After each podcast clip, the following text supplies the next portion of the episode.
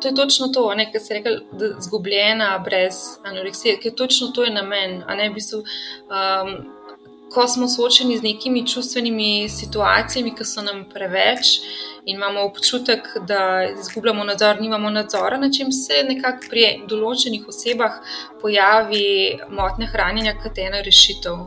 In dobesedno nas otopi vseh problemov, tako in drugače. V bistvu, uh, po eni strani, ki nekateri, ki izgubijo težo, to je čisto upočasnitev, ustav, razvoj se ustavi, vse se ustavi.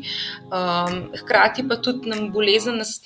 Uh, prijatelji nas ne zanimajo več, ker nimamo niti časa v glavi razmišljati o, njih, o njihovih problemih, nas niti ne zanima. Nas zanima recimo od obroka do obroka, ne, primerjanje, premerjanje, uh, tehtanje, vse, vse same številke so nam pomembne in s tem se nekako hranimo. Živijo. Poslušaj odkrito podcast, s tabo pa sem gostiteljica Vesna Ambrož, magistrica psihologije, predavateljica in psihološka svetovalka. V današnji 46. epizodi odkrito podcasta je z nami specialistka otroške in mladostniške psihiatrije na pediatrični kliniki v Ljubljani. To je Ana Mirkovič. Z Ano se v dialogu, ki ga boš pravkar slišala oziroma slišal, pogovarjava o najpogostejših strahovih in prepričanjih pri otrocih in mladostnikih z motnjami hranjenja, o tem, zaradi česa se lahko te težave pojavijo in strajajo, o tem, zakaj se lahko po okrevanju od moten hranjenja počutimo izgubljeni in to motnjo dejansko pogrešamo. O pristopu dela na oddelku službe za otroško psihiatrijo na pediatrični kliniki v Ljubljani, in o vlogi staršev in pa šole pri pomoči otrokom in najstnikom z temi in drugimi duševnimi težavami. Ana pojasni stiske, ki jih doživljajo starši otrok in mladostnikov z motnjami hranjenja in kako kot starši vemo, kdaj je čas, da naš otrok obišče strokovnjaka z področja duševnega zdravja, če se srečuje s težavami v odnosu do hrane in telesa. Skupaj z Ano raziščeva tudi vlogo šolske svetovalne službe pri tej problematiki in ostalih duševnih težavah otrok in mladostnikov, na koncu pa nagovorima še temo nosečnosti v času, ko sočasno trpimo za motnjami hranjenja. Iz srca hvala Ani, da si je vzela čas in nas opremila z resnično bogatim znanjem. Preden te spustim v pogovor z Ano, pa bi te kot vedno povabila k naročanju na ta podcast na bilo kateri platformi, kjer ga trenutno poslušaš.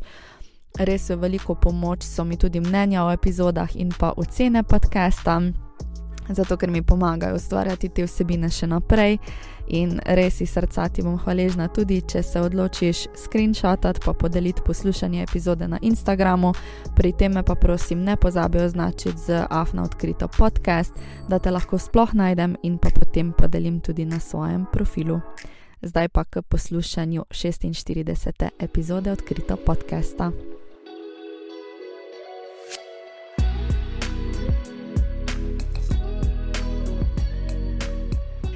Te pa, da nekako prebijamo let, bi vas mogoče v vodo prosila, da se malo predstavite, da povete, kdo ste, pa s čim se ukvarjate, pa mogoče tudi kaj je tisto vaše področje zanimanja.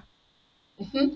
uh, ja, moje ime je Mirkovič Ana, uh, sem specialistka otroške in mladostniške psihiatrije. Uh, zaposlena sem na oddelku službe za otroško psihiatrijo na pediatrični kliniki v Ljubljani, um, kjer se ukvarjamo, ukvarjamo z hospitalno obravnavo otrok in mladostnikov z duševnimi motnjami.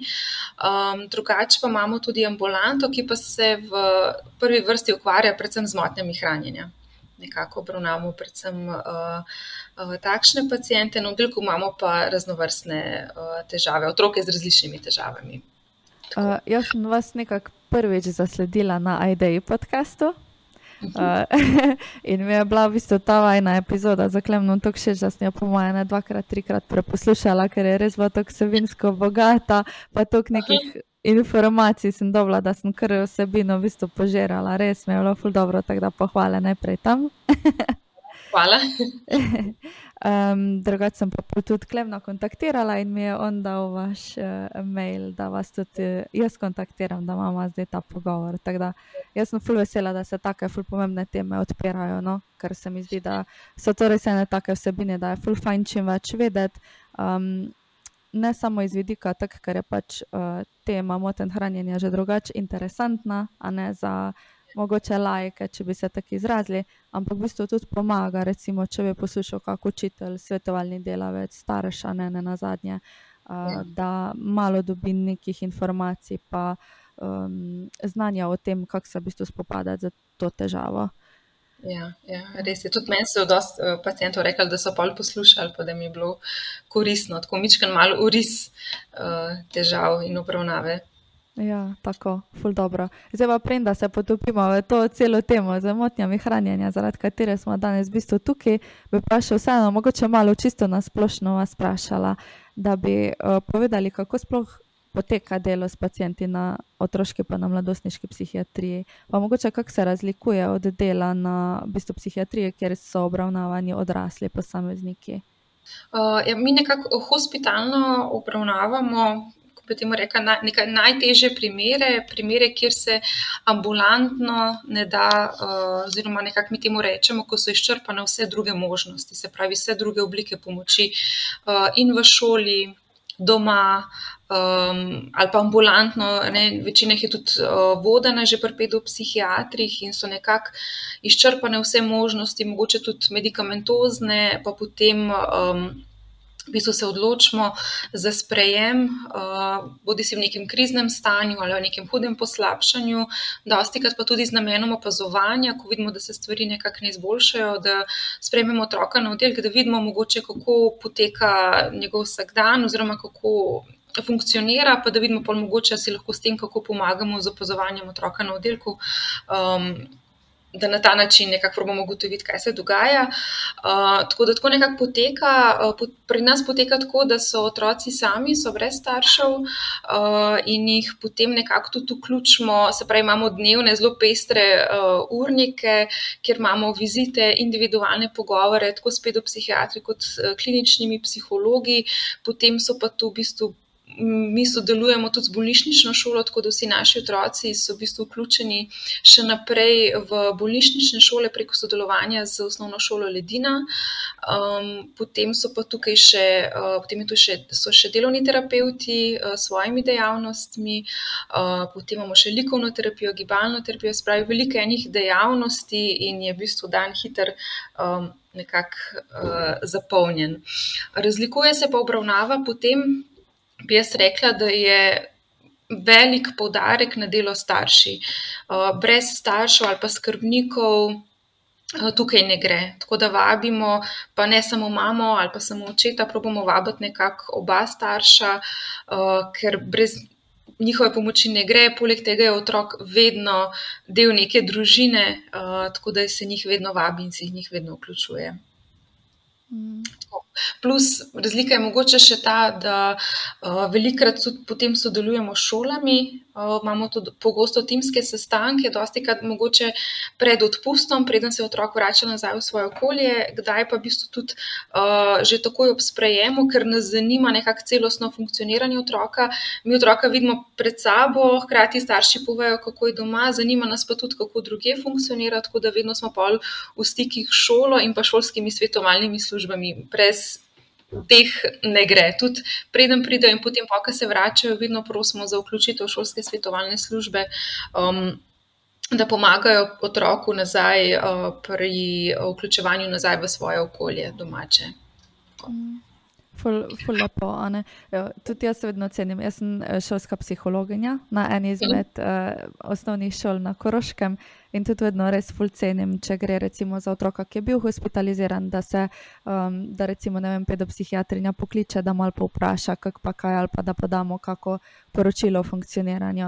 Ker je res ne na zadnje, otrok je praktično vsak dan, a ne od ponedeljka do petka v šoli, večino časa uh, do povdan hodi v šolo. Mi imamo nek tak pogled, ko ga mogoče tudi ne vem, pedopsihiatrinja, ki pride k njej otrok ali pa mladostnik enkrat na mesec ali pa enkrat na dva meseca na pregled, nekako nima. Ne? Tako da je, mhm. res se mi zdi tudi, da je to sodelovanje no, med institucijami ključnega pomena. Ja, nam, nam je zelo so te informacije neprecenljive. Tudi recimo, pri, pri ambulantnih pacijentih imam rada, da se kdaj slišim šolo. Sploh recimo, kader otrok govori eno, starš govori drugo, potem pa poročajo o dogajanju v šoli, pa pa mogoče dosti krat je najbolj poklicati in vprašati. In, m, trenutno delamo dosti krat preko teh uh, Zoom ali pa ne vem, Webex, kako koli, prek teh video povezav, kar v bistvu potem olajša povezanost uh, Slovenije, čeprav smo mehni. Ampak uh, pa tudi, če v bistvu samo za eno tako izmenjavo informacij. Uh, mi je doskrat zelo neprecenljivo, da vidim, da oni isto vidijo otroka, ali je to nek čist drug pogled, oni kaj drugega vidijo, kar smo mi mogoče spregledali, ali pa tudi ta sploh pa medvrstniški del, ne, tukaj, da se nekako. Um, ugotovimo, če otrok nekaj govori, da je slabše vključen ali pa da ima kakšne težave, da vprašamo učitele, kako oni vidijo njegovo vključenost ali pa v šolski svetovalni službi, ali pa če so kakšni konflikti, ali je bilo to naslovljeno, kako je bilo naslovljeno, um, rešeno in tako naprej. No take, take mm. reči. Tako da to je res neprecenljivo. Tedensko imamo timske sestanke s šolami. Da, ja, ful ker... dobro. Ful dobro. To se tudi meni ful fajn zdi, no, da tako sodelujete. Ker je res je pač en čist drugačen pogled na otroka, ne kot pa recimo v sklopu družine ali pa od otroka samega, ko pač mogoče nima mhm. toliko pogleda v neke zadeve. Um, starši pa večkrat tudi hočejo dati kakšne, mogoče malo bolj zaželjene slike družine, dinamike družine. Da, ja. Ja, ja. Uh, mogoče me malo zanima, z katerimi težavami pri otrocih in mladostnikih se tudi na pedopsihiatriji dan danes najpogosteje srečujete. Zato, ker zdaj je fulvko krat govora tudi um, na splošno, no, da se mogoče težave malo razlikujejo od tega, kakšne so bile 10, 20, 30 let nazaj. Veliko kdo recimo krivi tudi telefone ali pa kakšna socialna omrežja, kakorkoli. Tako da me zanima, no, so tukaj kakšne spremembe ali so tipično nekako iste težave skozi um, različna časovna obdobja. Mm, zdaj, tako več, v primerjavi z več desetletji nazaj, bi jaz rekel, da je sprememba. Uh, mi imamo, tako nekako bi rekel, polovici primerov, tako je sicer nihajoče, uh, imamo otroke z motnjami hranjenja, z anoreksijo, kjer v bistvu nekako v domačem okolju niso uspeli, um, ali pa nismo uspeli um, nekako doseči nekega ustreznega hranjenja. Uh, ostali primeri so pa večinoma ali otroci z. Um, temu lahko rekla, ki so pač dekompenzirali, bodi si z depresivnim pomikom in suicidalnimi mislimi, tudi po poskusih samomora. Potem so pa tu še v bistvu. Otroci z ADHD-jem, s hudimi vedenskimi težavami, kjer v bistvu pride v šoli do takega stopnjevanja, da nekako um, ne zmoremo razen drugače otroka sprejmemo, pa probamo tudi in uvesti zdravila in nekako širše pomagati uh, družinam. To so res skrajni uh, primeri. Uh, potem pa tudi dosti krat imamo otroke z uh, spektroautistično motnjo, ki so tudi dekompenzirali uh, zaradi pač svojih težav v določenem okolju. Uh, nekako, um, Jaz temu rečem, da deko, čustveno dekompenzirajo ob vseh nekih um, obremenitvah, ki jih žal ne zmorejo. Um, tako to so nekako grobom te neke težave, ki jih imamo. Kdaj tudi kakšni otroci z s krajnimi oblikami uh, Turitovega sindroma ali pa obsesivno-kompulzivne motnje, ampak to bolj poredko. Mhm. Zdaj pa za vse tiste, ki to poslušajo, pa so tako, hm, kaj točno pomeni dekompenziral? Kako bi vi to opisali, kaj to pomeni? To pomeni, da otrok s temi, ko bi rekla, um, zdanimi zmožnostmi ne zmore vsakdanjih obremenitev. Uh, pa naj bo to mogoče funkcioniranje doma ali pa v šolskem okolju, kakšnimi, recimo, predvsem pri otrocih, eh, ki imajo spektroautistično motnjo, so jim mogoče že vsakdanji vrstniški odnosi lahko uh, čustveno preveč naporni, ne morejo, s tem rečem, čustveno. Prežvečiti, prebaviti uh, in težko uh, se počutijo zavržene, uh, težko preberejo čustva drugih, pre, težko in tudi, kako bi rekel, teh. Um, Eh, socialne veščine imajo tako slabe, da se težko znajdejo v družbi drugih. Uh, In se počutijo zavrnjene, in če to traja dlje časa, in tudi so ti otroci manj, manj spretni, in tudi drugih otroci jih teže potem sprejmajo. In če ni nekaj, ko reka, res hude inkluzije strani šole, staršev, kdaj je pač patologija otroka tako močna, da žal potem ga preseže uh, in težko funkcionira v domačem ali pa v šolskem okolju. To pomeni, da nekako. Um, dekompenzacija pomeni, recimo pri odraslih, to pomeni lahko tudi vem, suicidalne misli, depresija, anksioznost, pri otrocih tudi enako. Kašni, pri, s tem, da pri otrocih je pogosteje, da se nekako zatekajo k bolj telesnim težavam, bolečinam, recimo ali bolečine v trebuhu, ali slabosti, glavobolje, lahko tudi kakšne vrtoglavice. Um, kakšnim takim težavam uh, in nekako ne zmorejo vsakdanje obremenitve doma in v šoli, in je za njih to preveč, vsak otrok pa na svoj način uh, to pokaže. Ja, se pravi, našteli ste res enih takih par uh, ključnih uh, težav pri funkcioniranju. Um, zdaj, jaz recimo v šoli opažam tudi uh, veliko več um, paničnih napadov. Sam to je, mhm. mislim, lahko se zgodi, recimo, tudi samo enkrat, pa če nekako uspešno to zajezimo, ne še vseeno, itak se priporoča nekako pregled ali preventivni pregled uh, pri pedopsihiatrih, kliničnih psihologih, se mi pa zdi, da je tega tudi vedno več. Ne, vi tudi to opažate? Ja, tudi, tudi imamo zelo veliko težav, recimo, tale COVID-no obdobje in mhm. naredili kar velik veliko škodo uh, na otrocih, tudi tisti, ki mogoče ne bi, če tega ne bi bilo, mogoče ne bi dekompenzirali, zdaj uporabljam to besedo, ampak. Um, Jaz bi temu rekel, da je to bil kot en dodaten dejavnik tveganja, kaj kakšnim otrokom, ki so bili, ki so imeli te predispozicije, uh, da ne bi zmogli mogoče ali šolskega dela ali pa teh vrstniških odnosov, pa je to samo še en dodaten dejavnik uh, tveganja, ki je to vse skupaj otežil. In pri dostih otrocih, ko so se vračali, ko so se začeli vračati nazaj v šolo, uh, se je to potem kazalo ja, s tesnobo, paničnimi napadi in da potem. Ne, vemo, da pri paničnih napadih se pa najraje potem izognemo situacijam, ki nam povzročajo stres, in potem pa imamo, ne, ne gre en dan, ali pa gre mogoče malo prej od pouka, pa tako, ki pa enkrat neha hoditi in je več, kot par dni skupaj odsoten, je pa še toliko težje potem se vrniti nazaj. Ja. Tako da je to pa je panični napad, ja, ne smete, jaz sem pozabila preumeti uh, način dekompenzacije. Mm. Ja, in tako ste omenili. Ja koliko, v bistvu več dni, ko jih ni teže, ja, teda polje tudi treba recimo, postopoma delati za starše, se ful trudi, da recimo, ne vem, postopoma nekako vajaš otroka spet nazaj v šolo, pa makar je to ena ura na dan, če že pride, recimo, če prej ni bil, ne vem, tri dni v šoli, je to že ful velik uspeh, teda polje lepo se postopoma v bistvu otroka izpostavlja. Tako, tako, tako to delamo, recimo pri vračanju otroka po odpustu iz bolnice, gremo vedno postopoma, vedno se postopoma vrača, ker vemo, da če ga samo pustimo iz danes na jutri, bo kar težko. No? Si predstavljamo, da mu bo težko. In se vnaprej zmenimo, da je najprej recimo za dve uri, pa potem vsak dan kakšno urco več, in zopet sodelujemo s šolsko svetovalno službo, ki je varni zapik, da če recimo jim je težko, da se pridejo pogovoriti, pokazati, ali pa malo samo da zadihajo, pa se potem vrnejo nazaj. Mm, točno.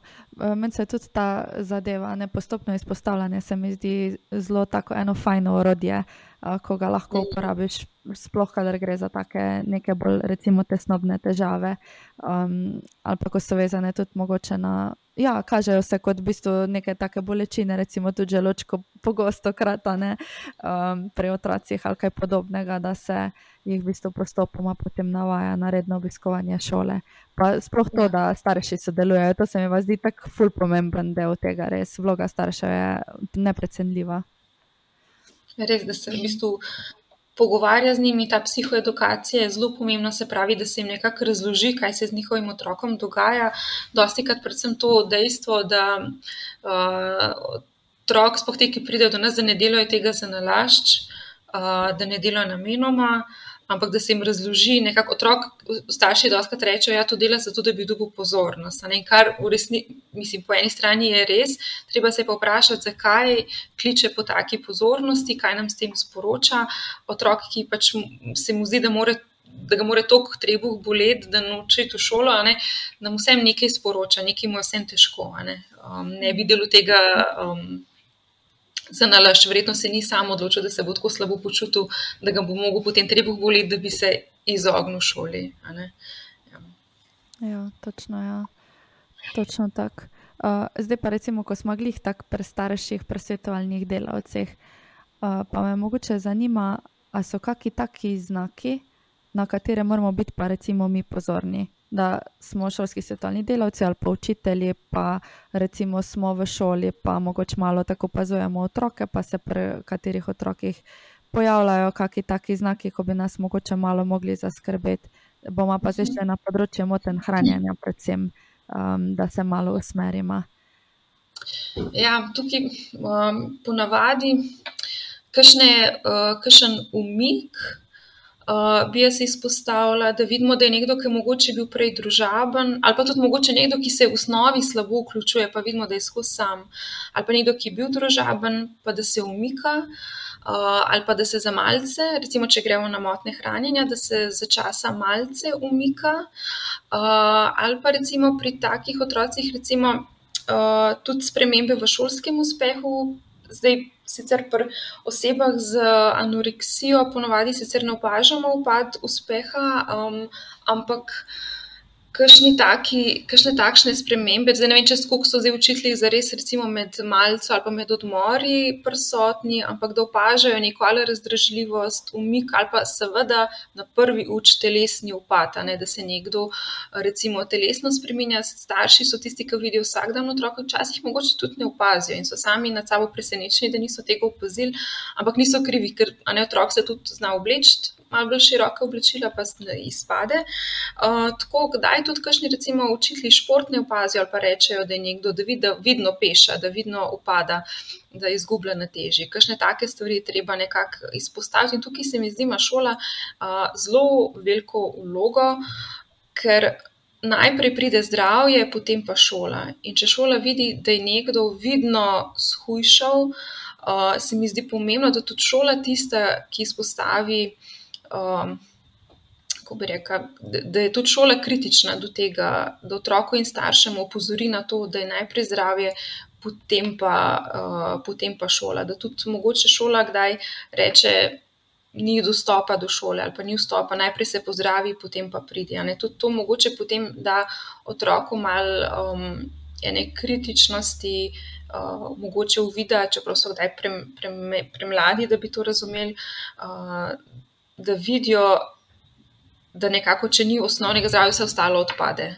Če se ne morejo zdravo nahraniti, da, saj, da bi jih vsaj to motiviralo, če ni neke notranje motivacije. Tako. Tako. Uh, zdaj, recimo, mi smo zdaj predvsem v obdobju osnovnih šol, kar govorimo o otrokih, pa mladostnikih. Teda zdaj najverjetneje bolj govorimo recimo, o kakšni anoreksiji. Uh, ker se tudi pojavlja, tako ste omenili, um, v bistvu na prehodu, ne nekje iz osnovne šole na srednjo šolo, kaj takega, tipično uh, lahko tudi uh, odstopa od tega. Uh, zdaj, če bi se mogoče pomaknili malo na srednjo šolo, tam, ko imamo mladostnike, se pa mogoče pojavlja že tudi kakšna uh, bulimija, kaj podobnega. Um, zdaj, zato pa tudi vemo, ne, da je taka zahrbna zadeva, um, zaradi tega, ker pač se nazun ne opazi načeloma. A bi mogoče lahko še dali kakšne znake, ki bi jih pa specifično, recimo za bolimijo, lahko tudi opažali, uh, ali pa bi jih zaznali lahko učitelji ali pa svetovni delavci na srednjih šolah. Mhm. Se, ja, bulimija je ena taka, kot se reče, en zahrbna bolezen, ki no zven mogoče niti spok se ne opazi.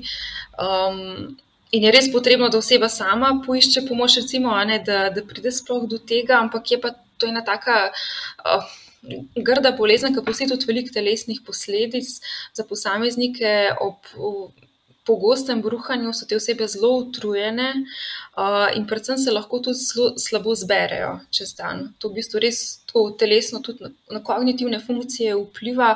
Tako da mogoče, če vidimo, da nekdo ni zbran ali pa da rabi zelo veliko več energije porabiti uh, tekom puka, da doseže enake uh, ocene, kot je včasih, pa vidimo, da se ne zbere, pa mogoče zaspi med pukom, pa se malo popraša. Ali pa če se mogoče recimo, reka punce, se tudi fantje so, ne, ampak tako, da si med sabo zaupajo. Ampak je dosti kratko, recimo, ja, pa ne nobenemu povedati, uh, ne, da bi bilo mogoče, dosti, mislim, to je ena velika odgovornost teh drugih, ki za to zvejo, kaj potem, a povedati odraslemu ali ne, uh, pa mogoče spodbuditi kakšen pogovor na splošno o motnah hranjenja. Um, da se mogoče lahko pridejo zaupati, ker mladostnikom je pomembno, pa tudi otrokom, uh, zaupali se bodo, če bodo videli nekako, da ne bodo za to kregani uh, in da okolice ne bo naredila zdaj. Temu, po domač povedano, reka celega haloja, da bodo ostali mirni, da vidijo, da lahko se izpovejo, ne, da bodo ostali mirni. Vse veliko staršev tudi ostane ampak pač starši so starši, težko se jim je kdaj. Um, uh, zaupati. Tako da je fino, da vidijo, da imajo neko zaupno osebo, mogoče v šolski svetovalni službi ali pa na šoli, včasih se tudi zaupajo, kakšni razredničarki ali pa eni učiteljci nekega naključnega predmeta, ki se jim pač zaupajo, ko imajo občutek, da se jim lahko zaupajo, pa da bodo te osebe to mirno sprejele z enim razumevanjem, poslušanjem, uh, brez obsojanja, kritike in um, po domač povedan drame. Tako. Mm. Točno tako. Zdaj pa prej ste tudi omenjali, recimo, psihoedukacijo, ne, da v bistvu poučimo otroka, pa mladostnika, ali pa um, mu pač povemo, predamo ene informacije, ključne informacije, recimo o motnjah hranjenja, pa bi on tudi preko psihoedukacije, oziroma ona, lahko prišel do nekih sklepov, pa izboljšanja stanja pri sebi. Recimo, kdaj pa se vam zdi, da je. Kdaj se vam zdi, da je psihoedukacija dovolj, pa kdaj pridemo do tiste točke, da je čas, da um, posežemo tudi po pomoč v zunanje institucije? Se, to se v bistvu vidi že tako v samem pogovoru s posameznikom. Vidimo, ponavadi, če se zaupajo, so potem, saj si upam, misliti iskreni. Uh, in vidimo že po pogovoru, uh, sam pove iskreno povejo, še zmeraj imam te misli, še zmeraj o tem razmišljam, um, ali pa povejo, da, um, da jim je bilo mogoče že to samo olajšanje, vidimo pa tudi po načinu hranjenja. Uh, vidimo tudi po pač žal je anoreksija ena taka bolezen, da se tudi na vzven vidi. Um, vidimo tudi potem, ali je nekdo spremenil mišljenje ali ne. Se vemo, da ni samo v hrani, uh, a ne problem, um, tudi pač za čustvene težave, ampak hkrati potem to korelira eno z drugim. Ne? Če smo nekako čustveno boljše, potem si tudi dovolimo nahraniti uh, uh, in lahko ločimo bolezen od hrane, vidimo hrano kot gorivo, kot nekaj, kar nekaj, kar potrebujemo. Ne? Zdaj, pri bulimiji je ponovno to zopet. Um, Uh, ni vidno na prvi pogled, hkrati pa še zmeraj lahko opazimo, če nekdo, ki je prej bruhal vsakodnevno, potem neha, se vseeno opazi. Nekdo ima potem več energije, bolj je zbran, bolj razpoložen, ni razdržljiv, Niso, ni počutje vezano na življenje od obroka do obroka uh, in štetje kalorij. Oseba je, ko bi rekel, bolj pri stvari, ne, bolj razmišlja, tako bolj prisotna je, bolj pristno vesela. In to osebe, ki so blizu posameznikom z motnjami hranjenja, to, te nianse uh, opazijo. Ja, a ne tukaj mi grejo misli kar v uh, par različnih smeri. Um, zaradi tega, ker razmišljam, recimo, na kak način pol tudi pristopiti, ne kot recimo kot črski svetovalni delavci. Se pojavi ena taka težava um, vidim, mogoče, da recimo ne bo šlo samo na tak način, da upravljamo neko psihoedukacijo, pa napotim uh, mladostnico, recimo, rečemo, da je mladostnica naprej. Uh, pol pa še vedno ne ta mladostnica, seveda, recimo, da prihaja normalno v šolo, na kak način pol jaz se z njo delam. A na to se mi tako velikokrat zdi, da nas je pol strah nekako delati z takim posameznikom. Ne, ne vemo, kaj reči, kaj ne smemo reči, kaj. Um, tudi pri starših, recimo, ko se z njimi pogovarjam. Zadnjič, recimo, sem se ravno z eno mamico pogovarjala, ko mi je jokala po telefonu, zato ker je rekla, da ima občutek, kot da hodi po jajcih okrog črke, da ne ve, kaj lahko reče, kaj bo na robe, kaj bo vem, sprožilo pri njej, nekaj, da bo imela pač strašansko nek tak vedenski izbruh in da pač se že zaradi tega zelo slabo razume, ker ima take težave. Vse tukaj je ful težko, mislim, kaj kaj narediti. Ja, jaz bi rekel, tako ohraniti iskreno komunikacijo, mogoče tudi izpostaviti to me osebe, ki imajo težave s tem. Um, In pride do večjega zaupanja, če vidimo, da smo iskreni v komunikaciji, pa v bistvu mogoče kar naslovimo vse te težave, mogoče kar reči na glas. Pa zdaj imam pa kar občutek, da ne, kdaj hodim po jajcih okrog tebe. Ne, tako, mogoče biti iskren, ko pol vidijo te osebe, da smo res pristni in ker resnično jim želimo pomagati. Um, In se mi zdi, iskrenost je tukaj najbolj na mestu. Ne? Seveda, bi jaz rekel, staršem nekako se, se izogniti, predvsem o pogovoru s hrano, o postavi, o tem, to so res stvari, ki uh, doskrat sprožijo eno slabo uh, voljo, ampak starši potem res v, v strahu, da bodo kaj narobe naredili ali pa narobe rekli, se potem izogibajo vsem in svačam, da, sam, da ne bodo um, nekako przeli. Ampak se mi zdi, če so tukaj nekako. Uh, da morajo strokovni delavci iskreni, da povejo osebe, če so pripravljene hoditi, bodo pripravljene tudi na tak, um, na tak pogovor. Mm. Ja, je, pa, je pa to zelo težko in zelo zahtevno. Um, sploh, ker to dosti, kar zdravljenje traja dlje časa, tudi več let, in ljudje smo samo ljudje, in uh, zelo velikrat nam tudi zmanjka ko bi rekel, pa niti ne potrpljenja, ampak včasih samo energije. Um, ker je to res tako ena taka zahrbna bolezen, um, kar, kar ne prenehajo, ne prenehajo, ne prenehajo. In včasih, ko bi rekel, na. Se ne vem, kako bi to formirala, ampak se mi zdi, da dosta rečem staršem, ne probojajo tega ne vzeti osebno. Se vem, da je sicer vedno to reče, meni je najlažje reči, oni so tisti, ki so doma 24 ur na dan uh, s svojimi otroci in mladostniki. Uh, ampak nekako, če si rečejo, da je bolezen tista, ki sili otroka ali pa mladostnika v te reči, da jim je potem lažje uh, nekako. Blokirati svoje čustva in ne pustiti, da jim to pride do živega. Ker če nam pride, če pustimo, da nam stalno pride do živega, bomo tudi mi sami um, dekompenzirali, spet to besedo uporabljam, bomo spet se sami čustveno čist uh, uh, izčrpali. Hkrati navadno je pa tudi to, da pa osebe, ki imajo motno hranjenje, potem začutimo, kdaj smo šipki in potem to izkoristijo, a ne tudi žal napačno, napačno smer, kdaj. Ampak, ja, mislim, to je zelo težko. Tudi dosti staršev, ki nas vprašajo, koliko časa bo to trajalo, rečem, kar dolg. In recimo, kašni, ko pa pridejo do remisije, um, vedno rečejo, nisem si mislila, da bo to toliko časa trajalo. In rabijo starši kar nekaj časa, recimo, če otrok pride do remisije. Um, nekaj časa, da pridejo k sebi. Prav, um, temu rekel, so kar mal traumatizirani od celotne izkušnje. Med samim zdravljenjem so v enem, so enem takem. Um, Imajo um, nek tak adrenalinski poriv, kot v vojni, se bojujejo, in še lepo, kaj je vojne konc, pogledajo, lahko vidijo, se ta adrenalin malo sprosti in vidijo, kakšna škoda je bila narejena, in še lepo se lahko sami sabo ukvarjajo. In je to res en tak velik um, davek na, na te družine. Ja, ful dobro se mi je zdela ta tehnika, oziroma prav strategija, ja, ko ste jo omenili, ja, ločiti osebo od um, teh njenih doživljanj, od bolezni, od duševne motnje, recimo, ne, na tak način tudi lažje v bistvu uh, ne jemljemo osebno tega, kar oseba dela. Recimo oseba nam laže, koliko je pojedla, ampak to ne dela, ker je slaba oseba, ampak zaradi tega, ker je duševna motnja v to sili. Ja, tudi te osebe si niso zbrale te bolezni. Je, jaz rečem podobno, eni mladostniki zbolijo za sladkorno bolezen tipa 1, oni si tega niso zbrali, niso, niso prosili, imajo pač neko predispozicijo, za česa so nagnjeni, enako pri anoreksiji, tudi neka genetska nagnjenost in tako.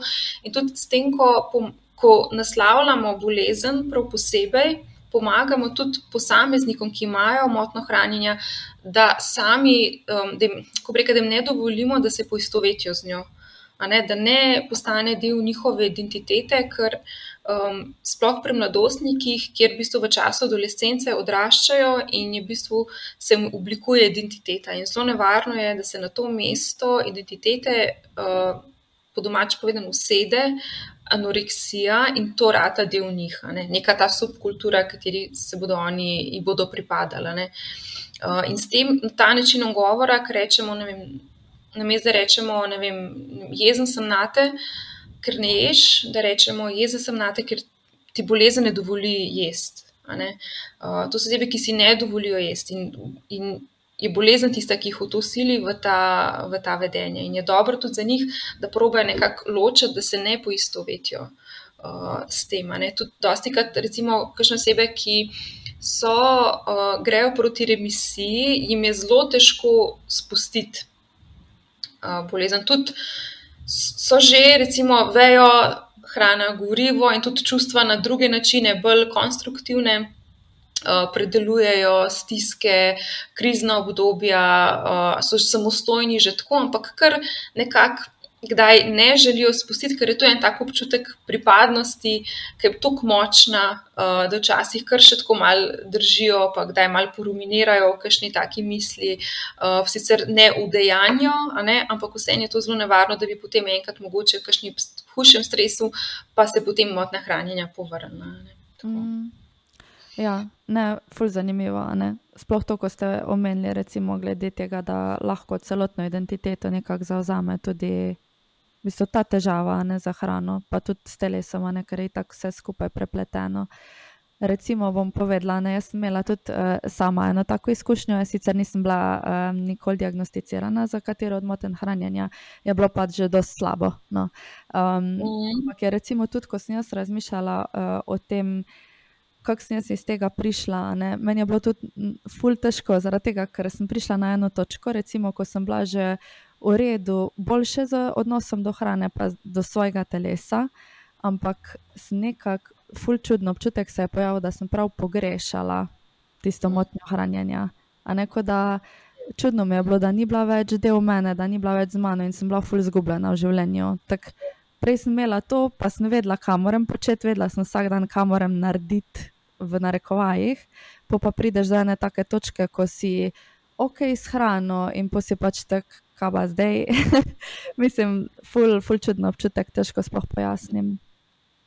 To je točno to, kar se reče, zgubljena brez anoreksije, ker točno to je namen. V bistvu, um, ko smo soočeni z nekimi čustvenimi situacijami, ki so nam preveč, uh, in imamo občutek, da izgubljamo nadzor, nimamo nadzora, na čem se nekako pri določenih osebah pojavi motnja hranjenja kot ena rešitev.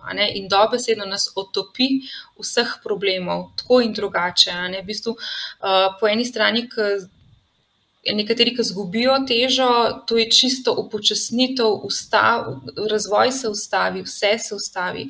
Um, hkrati pa tudi nam bolezen nas, uh, prijatelji nas ne zanimajo več, ker nimamo niti časa v glavi razmišljati o, njih, o njihovih problemih, nas niti ne zanima. Nas zanima recimo od obroka do obroka, ne, primerjanje, premerjanje, tehtanje, vse, vse same številke so nam pomembne in s tem se nekako hranimo, kaj je en v bistvu sistem nagrajevanja, si ustvarjamo, s katerim se v bistvu čist.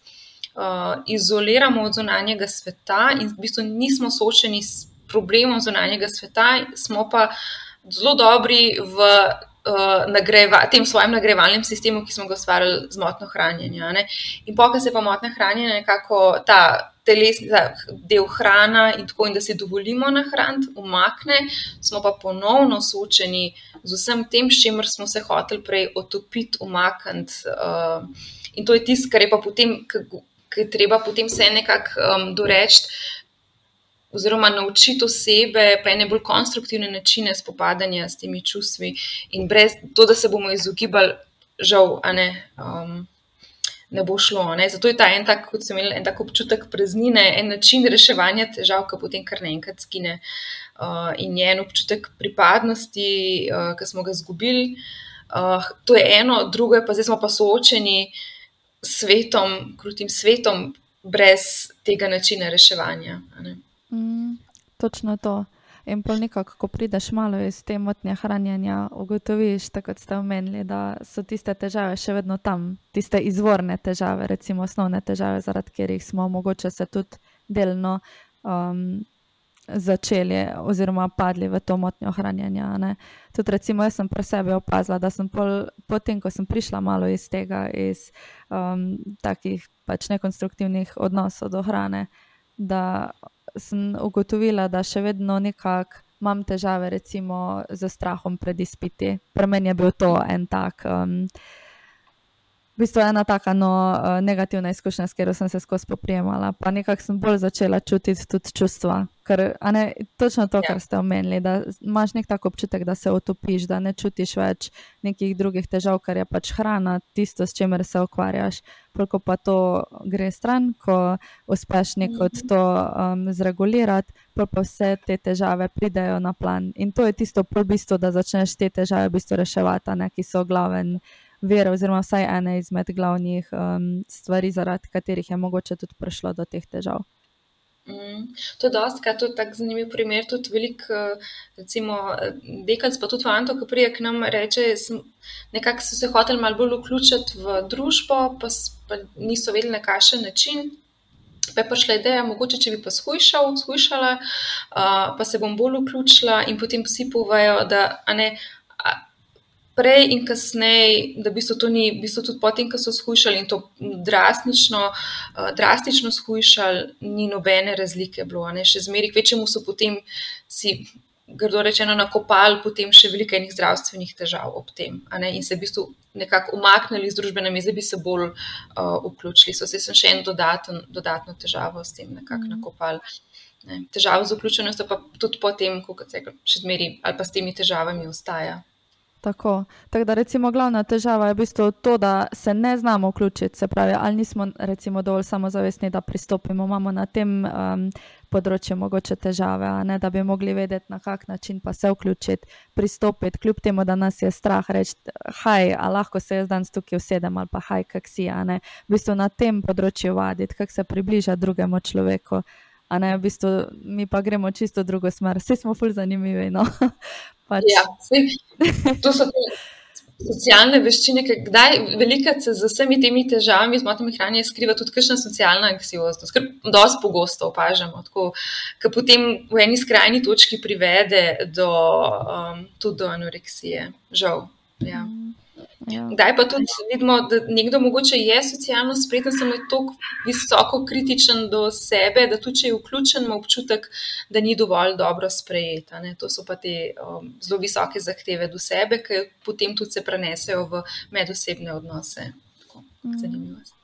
Ja, se pravi, eh, kaj so pa mogoče še kakšna taka prepričanja um, ali pa misli, ki jih imajo osebe z motnjami hranjenja? Zdaj ste recimo omenili ta del ne perfekcionistične, mogoče naravnanosti. Um, a imajo še kakšne taka, taka strahove ali pa prepričanja, no, ki so del motenj hranjenja? Ja, eno je, pravi, tudi po diagnostičnih kriterijih, tako če gremo, se pravi, da imajo eno strah pred zdravo telesno težo, ne, imajo občutek, da bodo reče, debeli, če bodo ne, nekaj, kar mi rečemo, da je zdrava, pa telesna teža, pa ne govorimo recimo nekdo nad 50 percentilo, govorim že čist minimum, a ne samo, da doseže, pa imajo občutek, aha, pa bom debel. Um, strah pred bistvu hrano, zdravo hrano, strah pred uh, čist normalnimi uh, obroki, potem je pa tu še motena telesna schema, se pravi, čist nekako skrivljeno vidijo sebe, uh, kako izgledajo, um, tudi en moten odnos do hrane, kot sem že uh, omenila, potem je pa tu še zelo visoka, kar gre z roko v roki, zelo visoka taka perfekcionistična naravnanost in osredotočenost na podrobnosti. A ne tudi ta, jaz dosti rečem, da to je bolezen podrobnosti, ker gremo vedno v čist podrobnosti hrane. Tudi osebe, kdaj jejo, tako da čist razparcelirajo hrano na mehke koščke. Uh, in tudi pravi, številke so jim pomembne, grami so pomembni, miligrami, tudi hrano se tehta. To, to je taka bolezen podrobnosti, ker mi rečemo, da so to osebe, ki bi so imeli tako neko, um, ko bi rekla, perfekcionistično naravnanost, kjer nekako ne vidijo. Um, celote, ne zmorejo videti širše slike in vidijo vse tako v podrobnosti, vidijo samo najmanjše. Če pogledajo sliko, lahko vidijo samo te drobne pikce, ne morejo pa narediti par korakov stran, pa videti uh, celotne slike. To je en tak način razmišljanja, ki imajo te osebe. Potem je pa tu še kdaj te značilnosti osebnostno-kompulzivne osebnostne motnje, uh, so, da imajo v bistvu kot neke obsesivne misli. Da se bodo, recimo, če pojejo en normalen obrok, tako zredili, da bodo debeli. To je čist v bistvu um, skrivljeno mišljenje, da je tudi na nivoju. Um, Reka psihoze, oziroma um, da ni v stiku z realnostjo. Um, to, um, to so te nekako take v grobem, uh, grobem lastnosti. Je pa kdaj, kot sem prej omenila, tudi veliko um, socialne tesnobe, tesnobe na splošno in um, Veliko je tudi, zdaj, če ima oseba pridružene še kakšne vem, občutljivosti na kakšno teksturo hrane, ali pa da so zbirčni, ali pa da so recimo v osnovi bili vedno bolj drobne postave, to potem sem še doja, dodaten dejavnik tveganja um, za razvoj potem motne hranjenja. Mhm. Ja, recimo, omenili ste, da je to um, tak fokus na podrobnosti, pa na detajle. Um, a bi mogoče rekli, recimo, da ko se te osebe opazujejo, da v bistvu sploh ne vidijo svojega telesa kot neke take celote, ampak da bolj gledajo recimo roke. Tak, roka moja ni v redu, pač moje roke niso kul cool, ali pa ne vem, ja. moj trebuh, a ne da se v bistvu kar razkosavajo na neke kose, ki niso v redu, ja. ki niso ok kot pa da bi pač pogledal na celotno sliko, le moje telo, to je moje telo, jaz rabim tako telo, zato pač da funkcioniram in da počnem druge stvari, ker mi pač telo omogoča, da ne vem, hodim po svetu, da potujem in tako naprej. In v bistvu sploh niso zmožni takega načina razmišljanja. Ja, ja doskrat imajo osebe res en fokus, vedno jih, ko rečeš, ne, pa rečejo, da niso zadovoljni sami s sabo in ko jih vprašaš, kaj točno pa, pa rečejo, ne vem, s telesom. Pa če še naprej raziskujemo, vedno povejo, a so to noge, a so to trebuh. In res, kada bi z lupo gledali na sebe, kada ne morajo na sebe pogledati v celoti um, in res parcelirajo se čisto take drobne kose in so hiperfokusirani na točen določen uh, del telesa, uh, pa kdaj tudi želijo pač. Reka, iti v en kalup, ne biti kot nekdo drug, pa kot suh kot nekdo drug, ampak žal ljudje nismo tako narejeni, da lahko tako enostavno skočimo v en kalup. Pač smo različnih postav in sicer lahko mičken mal prilagodimo, ne uh, svoj izgled v grobem, pa ne žal ne moremo vse te kalupe past ali pa tako, ker se recimo vsako obdobje. Tako socialno gledano, kulturno um, ima neko postavo, ki se jo poveličuje, ampak to je nek kalup, ki ne moramo van ga past. Um, nekdo mogoče je pač na ključno tako rojen, ampak pa je pač zdaj mogoče in njegova postava, ampak v načeloma pa ne moramo tako le, ker pas nismo, doskrat pa jim nismo ljudje stroji, da bi se lahko naštimali, da bi izgledali na točno določen uh, način. Smo pač samo ljudje, ne in je doskrat res ta pogled, da bi se videli v širši sliki, kaj pa zmorejo. Um, en tak negativističen pogled na sebe, da nič mi ne gre prav, pa tako pa v resnici gre pa res za perfekcionistične ljudi, ki jim gre veliko stvari um, dobro, samo so zelo visoko, visoko kritični. Mm, točno, v bistvu gre vse z roko v roke, a ne ta perfekcionizem. Kot osebnostna lastnost in v bistvu ne mogoče pa še zraven priliva m, mm, v bistvu, gorivo na, na ogen, ki že tako gori. Ja. Um, Prvo me je pa zanimalo, recimo, ne, tako ste omenili, navadno je tako, da te osebe razmišljajo na način, da če bojo pojedle eno obrok, da se bojo pač ne nadzorovano nekako zredile. Tak ne gre skupaj, ne, recimo eno obrok in bom pač kar pridobil ne vem koliko kilogramov. Zdaj pa me ja, zanima, ja. na kak način vi tukaj potem razložite osebe, pač, da to, to ni tako. Zato, ker, a ne, ful težko je to v bistvu razložiti. Um, ali pa se nekako trudiš razložiti, ampak oseba ne dojame, da v bistvu recimo en, en košček čokolade ni enako, potem pač plus 5 kg. Uh -huh, uh -huh. Ja, mislim, se, to je, doskrat se ne smemo bati teh pogovorov, ker imamo občutek, da bomo za vsako stvar jih spravili, ampak treba jih je soočati s tem, kar je kar je res, kar je zdravo, kar je, kar je medicina dokazala. Je dosti, kar se sklicujem na to, da. Um, ker, Da, recimo, medicina je dokazala, kakšna je bila prehranska piramida. Veriga, piramida.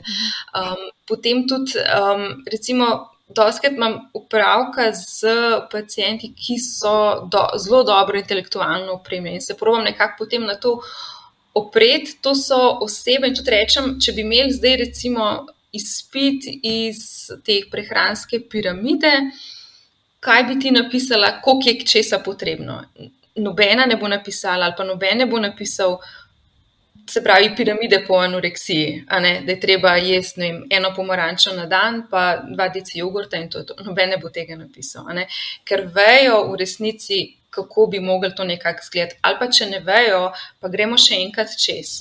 In tudi, recimo, ki rečejo, da ja, bom to pojedla, pa se bom zredila, pa bo šlo vse v maščobo. In govorimo tudi o tem, da določen procent maščobe osebe moramo imeti, da lahko shranimo določene vitamine v te maščobe, da lahko funkcioniramo, da imamo menstruacijo, da, se, da so kosti zdrave, da ne, ogromno enih telesnih stvari za sabo potegne in govoriti o maščobi, ne o taki maščobi, kot osebe z anoreksijo vidijo, ne, da je nekdo debel, ampak dejansko, da je to pač nekaj popolnoma. Ne, um, uh, normalnega. Ne? In tudi nekako konkretno pogledamo in prehransko piramido, kako človeško telo zgleda, kaj vse potrebuje, katere vitamine in to.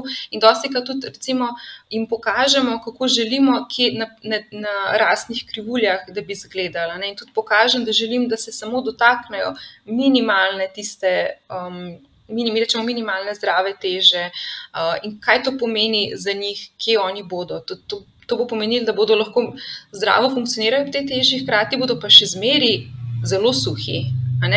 Bodo med suhimi ali pa po Gausovi krivulji pokažemo, kje bi to pomenili.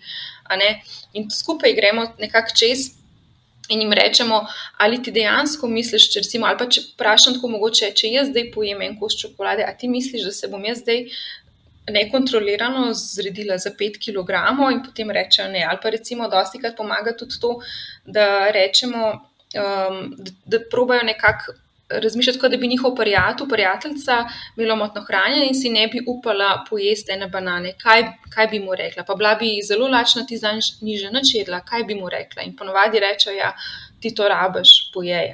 In kako to, da si sami se ne dovolijo ne, tega. Probamo nekako mal zamajati um, njihovo razmišljanje, um, zamajati te temelje motne hranjenja in probati nekako jim prikazati, um, jih ne prepričati, ampak. Um, prikazati, a, oziroma vprašati, ali mislijo, da jim ta motna hranjenja v resnici želi dobro.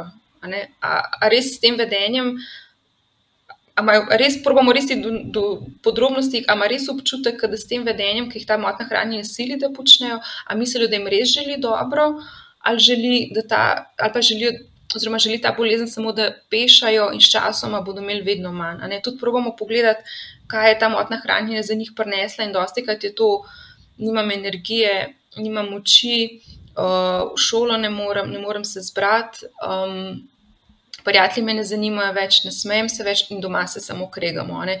Dosti krat, ko gremo na pluse, minuse, veliko več minusov se potem našteje, večemo samo sami, um, sami minusi. Tako nekako. Ja, ne, ful težko je dela z tako um, nekako trdnimi, utrjenimi prepričanji. Treba je res zamajati, pa pogledati to iz malo drugačne perspektive, vse skupaj. Um, ja. ja. Sploh pa ne ta strah pred pridobivanjem telesne teže je verjetno en izmed najtežjih, zato ker mi si dejansko želimo, da oseba pridobi telesno težo, hkrati pa to njen največji strah. Ja. Tako da to je ja. po mojem res en tak ogromen, ogromen izziv. No. Je, to, to je nekaj, kar je pač najtežje, sploh ker v bistvu, eh, recimo, sama imamo pravka z mladostniki, kjer v bistvu Doskrat je tudi to, da se njihovo telo spremenja in dejavnik tveganja, da je do tega recimo prišlo in je to težko nekako sprejeti. Za anoreksijo se vse to ustavi, razvoj, ne, prsi, boki, menstruacije, se to vse ustavi. Pol pa recimo, ko sprejmejo, ko se dovolijo nahraniti, uh, pa pride ponovno, a ne, se te spremembe, ki so bile štopirane, se spet nadaljujejo in to je zopet ponovno vir stiske. Pri kašnih je to sicer motivacija, ne želijo biti več v telesu desetletnika, želijo, da se jim telo razvije, želijo biti, ne, se vključiti, ne želijo izstopati po, po, po izgledu in je to motivacija, da bi, spet, da bi bile bolj, recimo, ženske bolj ženstvene. Ne. Pri nekaterih je pa to še en ponoven vir stiske. Um, Ki se telo ponovno spet spremenja.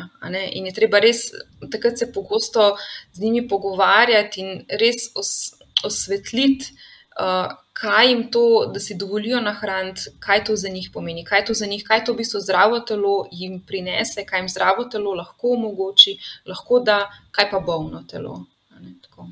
Mm, mm. Ja, ne, to je ful, to je ful težko. V bistvu, ja. fulje. Um, ko se poglobiš v to zadevo, je po mojem to tako zakomplicirano. Sploh pa pol še to, ne tako ste že prej omenili. Um, ko oseba pride tako daleko, da ima že take težave, da se mora pogovarjati z strokovnjaki, uh, je itak telo že tako v bistvu podhranjeno, da zaradi tega pride do uh, čustvene neregulacije. Se pravi, ima težave, hitro stvari spravijo iz tera, uh, skozi nekakšne slabe volje, brez energije. Ne? In pomagli zaradi tega še več negativnih misli, negativnih prepričanj, negativnih izkušenj in to pol zopet. A ne v tak cikl v bistvu pademo no? in je to verjetno ful, ful težko razbiti. Um, tako da je ja. um, najverjetneje zato govorijo tudi, da je dobro najprej nahraniti telo, da si toliko pomorejo možgani, da začnejo dobesedno normalno funkcionirati, da lahko ti začneš pol šele na neki psihoterapiji, pa se pogovarjati o prepričanjih, zato ker prej pač ni zmožno um, se tega na tak ja. način lotiti. Ja, je support, vsekakor, ne, ni, ni tako, da se ne pogovarjamo, ne, ampak vse. Mi smo opazili, mi sami, če nekdo ali zelo podhranjen, ali pa potem, ko pride do neke minimalne teže, je pogovor popolnoma drugačen. Je veliko več se da, veliko več uvida lahko dosežemo, kritičnosti in tako, seveda od vsakega posameznika različno, ne? ampak vseeno to je čist en drug pogovor. Mm. Tudi, recimo, pri svojem delu jaz opažam to, da pride, pride oseba z motnjo hranjenja in reče: Ok, zdaj bomo pa delali na samopodobi. Pa si tako, ok, ja. Samo to je tako zadnja stopnja, mogoče v tem. Najprej se moramo v bistvu dobro prehraniti, zato da se ti zreguliraš čustveno, zato da se sploh lahko začnemo pogovarjati o nekih zadevah. Najprej se bomo izpostavljali hrani, uvedli normalne obroke, redne, uravnotežene obroke. In pol šele nekje na koncu pridajo, pa kakšne vaje, mogoče za krepitev samo podobe. Se, pol, ne se s pogovorom, pol se, se, se odpirajo te teme, ampak res, dosti krat, recimo, tudi starši želijo, da ja, treba bo delati na samo podobi, ampak žal ni samo podoba nekaj, kar recimo, se v treh pogovorih lahko v narekovajih reši, vzpostavi. Um, to je nekaj, kar se v bistvu skoraj čist na koncu. Pa ne bom rekel, niti popravi, ker ni prava beseda, ampak mogoče malo vzpostavi. Um, samo podoba je nekaj, kar se celo življenje praktično um, s tem ukvarjamo, borimo. In žal ni to nekaj, kar tudi če imamo, recimo, obravnavo, je to neprestaden trud, um, borba, sploh pri osebah, ki imajo motno hranjenje, ker v bistvu je to en izmed uh, glavnih um, težav. Mm. Žal ni to tako, um, ni tako, da bi imeli neko, da si želijo, kakšno čudežno palčko ali pa tableto, da bi potem pa to kar bilo. žal, žal ni. Ja, točno to. Točno to. Uh, me pa zanima, mogoče je pri fantih uh, kaj drugače glede moten hranjenja, oziroma se srečujejo z podobnimi, oziroma čisto enakimi prepričanji, ali se tukaj kaj razlikujejo med spoloma. Jaz bi rekel, da tako, po mojih izkušnjah je pre, kar precej enako. Um, ni, da bi sama zdaj izpostavila kakšno razliko. Uh, mogoče je kdaj samo kakšna um, večji podarek na, da si želijo mogoče več mišične, ne mase, na začetku, ampak tudi pri puncah to opažamo, recimo želijo biti bolj um, uspešne pri nekem športu, pa potem grejo v eno skrajnost ne, in se s pretirano telesno aktivnostjo izstradajo, ampak da bi pa tako pazila.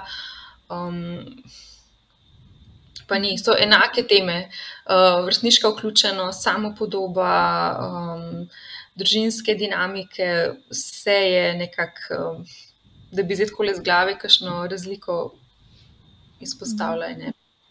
Okay. Um, zdaj bi vam mogoče uh, eno tako temo odprli, s katero bomo tudi zaključili, ker se mi zdi tako res ena uh, zanimiva, pa v zadnjem času še kar aktualna. Um, na mojem Instagram profilu so me fulcukali za rokav, da bi mogoče odprla v sklopu moten hranjenja področje nosečnosti. To mi je bilo zelo zanimivo. Če bi mogoče tukaj kaj, um, kaj rekla. Ne? Se pravi, ena, um, ena sledilka mi je pisala, da pač je zanosla pa da ima v bistvu, da je skozi celotno življenje imela težave na področju prehranjevanja, da je imela vmes nekako bulimične tendence, anoreksične tendence in da zdaj se je v bistvu to še samo nekako okrepilo, zaradi tega, ker zdaj gleda nekako svoje spremenjajoče um, noseče telo in je pač to ni ok, in še vedno zdaj recimo bruha. Um, pač prisilno, in da ima s tem zdaj nekako pol težave, in da je to zdaj še vse skupaj se nekako okrepilo in pospešilo. Pa če imam tukaj kako, kak na svet. Um, zdaj pa me ja, zanima, kaj bi vi rekli na to temo. Tok izkušen, iskreno, uh, nimam, ker res delam samo z otroci, mladostniki. Um, tudi tekom koroženja, um, žal nisem uh, bila v stiku uh, s temi temami, ampak um, imajo motne hranjenja v bistvu že kot en dejavnik tveganja veliko vlogo pri nosečnosti in plodnosti, ne, ker vemo, da. Um, Povzroča tudi uh, huda sestradanost ali pa tudi hud padec teže, um, amenorejo, se pravi odsotnost vseh treh uh, menstrualnih ciklov in tudi v bistvu lahko povzroči neplodnost pri ženskah. Ne? To je dokazano. Se pravi, če preden oseba z motno hranjenjem uh, zanosi, so tukaj lahko težave. Je pa tudi dokazano v katerih raziskavah, da imajo osebe, ki uh, imajo motno hranjenje, predvsem te z anoreksijo, bulimijo, potem večje tveganje za uh, slabše napredovanje ploda, tudi večja verjetnost za splav uh, ali pa mrtvo rojenost, pa tudi nizko porodno težo ali pa težave pri recimo uh, oporodu. Tako da to je nekako um, dokazano in tukaj se mi zdi mogoče dobro, da te osebe, ki imajo motno hranjenje, da nekako se posvetujejo na večjih zdaj, nivojih. Eno je, da so iskreni mogoče z, uh, z ginekologom, uh, da osvetlijo to težavo, da so potem ginekologi pozorni na kakšne zdravstvene težave ali pa kakšno, uh, recimo, elektrolitska neravnovesja, če oseba bruha, ali pa z recimo pomankanjem kakšnih vitaminov, ali pa če recimo gre za pomankanje železa, kakorkoli, da so oni s tem seznanjeni, da se to čim prej nekako naslovi in pomaga. Uh, pa tudi, da si poiščejo tudi strokovno pomoč v smislu ali kliničnega psihologa ali pa uh, psihiatra, se pravi en support, ker. Spreminjanje telesa tekom nosečnosti, ravno to, ne, kot je bilo omenjeno, to je ena kar velika sprememba za nekoga, ki je prej bil hiperpozoren na vsako majhno spremembo telesa, je pa to, kar vse en, temu rekli, en velik zalogaj, uh, ki lahko sproži um, relaps bolezni. Tudi če je bil nekdo v remisiji, to lahko sproži. Um, Naredi en relaps, mi zdi zelo pomembno, da taka oseba najde eno mrežo podpore, da lahko pove, ker že to mogoče, da lahko pove svoje skrbi, ker verjetno tukaj tudi veliko občutkov krivde in ne, pred tem. In jaz mislim, da je fajn, da res, da si najde eno mrežo podpore, da ima občutek, da lahko pove, da. Um, Da saj da to mogoče malo z, z duše, neko olajšanje, že to bo mogoče tukaj lažje, sploh pa, da se nekako nekom redno pogovarja, kako pa probati to zamejiti, vsaj za časa nosečnosti, da bi se otrok čim manj uh, zaradi tega nekako um, ogrozil, pa tudi v bistvu nosečnica sama. To se mi zdi zelo pomembno, da, nekak, da so osebe iskrene, ker na ta način, če bo nekdo zdravnik vedel, da ima te težave, recimo ginekolog ali pa tudi osebni zdravnik ali pa uh, psihiater, bodo, bodo tudi to naslovili in bodo probali delati na tem. Če pa je tiho, pa že, ne, težko potem nekako. Um, Nekako naslovimo. No? Ampak se mi zdi, da če že so osebe pripravljene tako kontaktirati nekoga, se mi zdi, so že pripravljene poiskati pomoč, kar se mi zdi zelo, zelo, zelo spodbudno. Mm.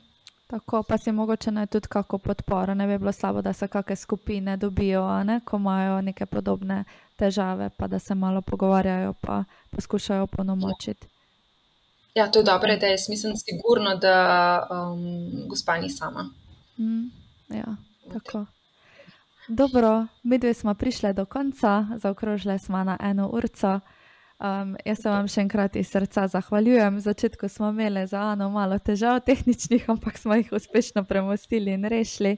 Tako da res najlepša hvala, da ste si vzeli čas. No, mi fulveliko pomeni, da odpirate tako pomembne teme, da ste se pripravljeni o tem pogovarjati, no pa da ste na voljo. prosim, prosim, z veseljem, rada govorim o teh temah, se tudi meni zdijo tako zanimive. In, uh, kot vidimo, ena ura hitro mine ja, ob, ja. ob teh pogovorih, in mm, tem je še kar in še kar in še kar. Točno, super. Okay. Hvala za to. Ja, z veseljem, seveda. Najlepša hvala tudi vam, pa najlepša hvala vsem poslušalcem, ki ste bili danes z nami. Lepo se majte. Čau, čau. Yeah.